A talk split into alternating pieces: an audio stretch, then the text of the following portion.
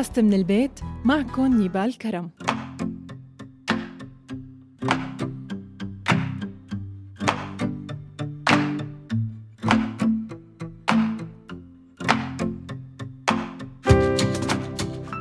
مرحبا شو الترند اليوم؟ هذا الخبر ترند على كل الصفحات ترند؟ كلمة ترند بتتردد كل يوم على صفحات ومواقع التواصل الاجتماعي وهي الكلمة مرتبطة بالأحداث الحالية والجديدة. أما معناها فهو اتجاه توجه نزعة أو تيار غالب. وبتعني أيضا الاتجاه العام للأحداث بالوقت الراهن. شو هو الترند؟ وشو يلي بتحكم بظهوره؟ هذا موضوع حلقتنا لليوم. خلونا نبدأ.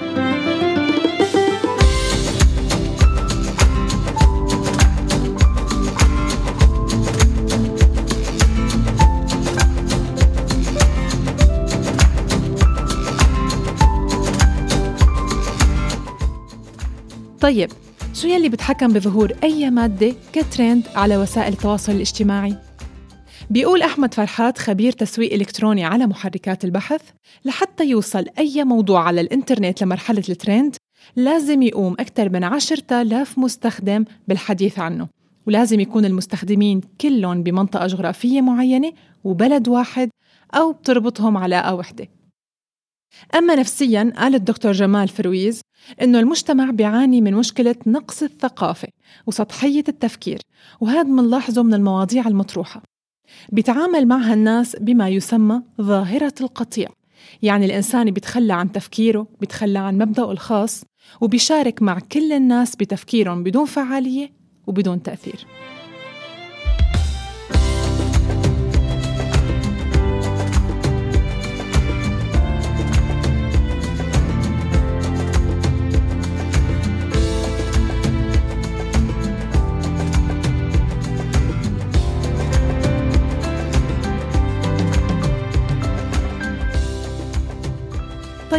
لما نسمع كلمة ترند يعني هاشتاج شو هو الهاشتاج؟ هو كلمة أو جملة بدون فراغات بتم كتابتها كشيء مشترك بين جميع الأشخاص يلي بيحكوا بنفس الموضوع. طبعا بتم استخدامه كرمال يزيد التفاعل بين مستخدمي مواقع التواصل الاجتماعي. وبتنوضع هي العلامة قبل كلمة معينة لتصير موضع نقاش مفتوح بين الناس. استخدم الهاشتاج لأول مرة بالتويتر بتغريدة عفوية لكريس ميسينا. ب 23 آب 2007 سألهم فيها عن رأيهم باستخدام الهاشتاج. وصار هذا الرمز علامة عالمية بكل المنصات الاجتماعية. وتبنى تويتر الفكرة عام 2009 وبعدين أضافها فيسبوك لمستخدميه. وصار هذا الوسم أو الهاشتاج لاعب رئيسي لتنظيم مظاهرات ضغط على رؤساء انتشار حملات ببلدان كتيره ولحتى نعرف الترند على فيسبوك أو تويتر أو إنستغرام في عنا موقعين كتير مهمين. أول واحد Trendsmap هو موقع فيه صورة حية لخريطة. اختار البلد يلي بدك إياه ورح يظهر لك الترند فيه. تاني موقع Google Trends فينا نعرف من خلاله أكثر الكلمات البحثية المستخدمة سواء اليوم سواء بالشهر أو بالسنة.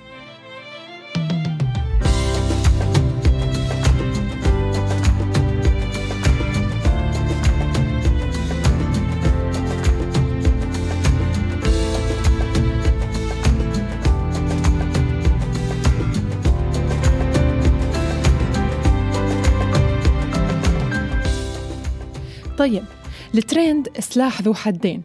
كيف منقدر نستخدمه ونبتعد عن أغلاطه بنفس الوقت؟ أولاً في عنا نوعين للترند. ترند عام يعني أمر عام بيحدث وبيخلي الكل يهتم فيه لكن بيتناولوه بسطحية. اثنين ترند خاص يعني بتعمل وسم لعملك الخاص وشغلك والعلامة التجارية يلي عم تتعب وعم تجتهد فيها. لكن بعض الترندات إيجابية وذات مغزى حقيقي وإنساني إذا استخدمت بطريقة صحيحة مثل تحدي العشر سنوات. في ناس كتير شاركت صورها وناس شاركت فروقات بالطبيعة أو بأماكن سياحية أو حيوانات تعرضت لمجاعة وسلطت الضوء عليها. وحسب رأي الاستشارية التكنولوجية كيت أونيل لازم الكل يتوخى الحذر من نشر معلوماته الخاصة بشكل جنوني لأن برأيها رح يتم استخدامها يوما ما لمصلحة حدا معين وبطريقة بتفيده هو. ولازم يتوخوا الحذر أيضا من التحديات الخطيرة يلي عم تنتشر بالفترات الأخيرة على تيك توك ويوتيوب واللي سببت حوادث موت للأشخاص يلي نفذوها. وأيضا استغلال الأهل لحياتهم الشخصية وحياة أطفالهم لزيادة اللايكات والتفاعل. وأكد المختصين أنه هذا الأسلوب عم بيسبب للطفل عدم اتزان نفسي وعم يتبنى سلوكيات وقيم استهلاكية ما بتناسب عمره. زائد إنها عم بتسبب تفكك عائلي خصوصا بسبب لجوء بعض المشاهير لافتعال المشاكل العائلية لحصد تفاعل معين وشهرة زائدة وكرمال هيك في ناس كتير طالبت بسن قوانين بتمنع استغلال الأطفال على مواقع التواصل الاجتماعي.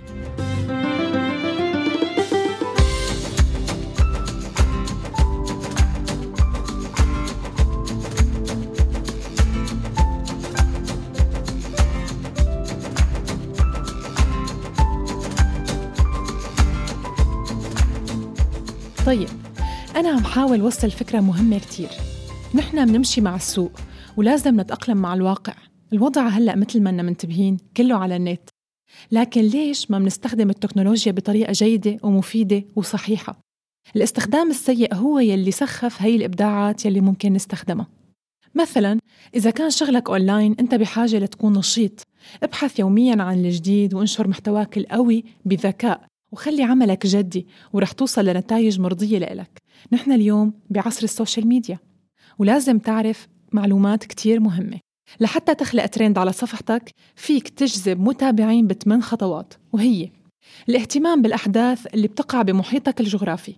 اثنين صياغة الموضوع بطريقة تفاعلية. ثلاثة تنسيق الموضوع وتزيينه بالصور. أربعة اللعب على وتر المشاعر والعواطف. خمسة الحديث عن أفكار صماء واضحة وسهلة. ستة استخدام هاشتاج سهل وواضح. سبعة طلب مساعدة الأصدقاء بالنشر. ثمانية الوصول إلى عشرة آلاف مستخدم. لكن السؤال هون كيف بتختار الترند المناسب لإلك؟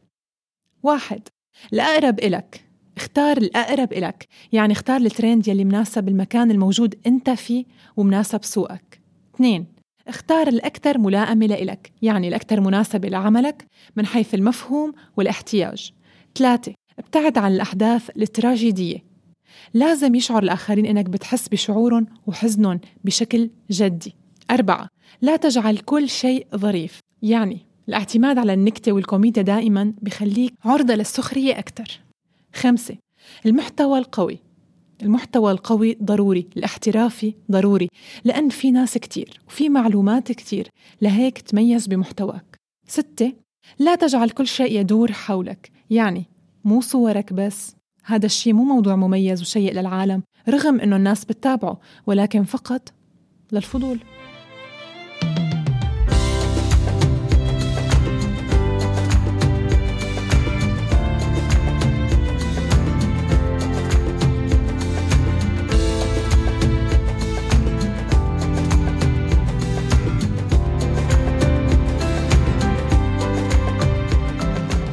وآخر شي حابة أقول مواكبة الموضة ومواكبة التكنولوجيا اللي نحن وصلنا لها اليوم ضرورية. بس نحن لازم نحدد طريقة أفضل لحتى نتميز لحتى نبين لحتى نقول للعالم بأنه النت والفيسبوك والتويتر والإنستغرام مو بس لأشياء سطحية مو بس لأشياء لغرض المتعة فقط. لا بنقدر نوصل صوت بنقدر نوصل فكرة بنقدر نوصل كلمة بنقدر نبني عالم ونبني تفكير جديد ونبني تحديات حلوة ومناسبة وبتطور منا ومن شخصيتنا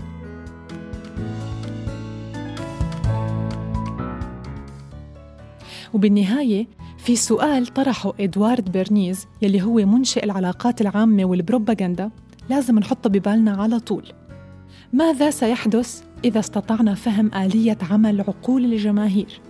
هل من الممكن السيطرة عليهم وفقا لإرادتنا ودون علمهم بذلك؟ بودكاست من البيت كنت معكم نبال كرم. للقاء قريب وحلقة جديدة. بشوفكن على خير يا رب. باي باي.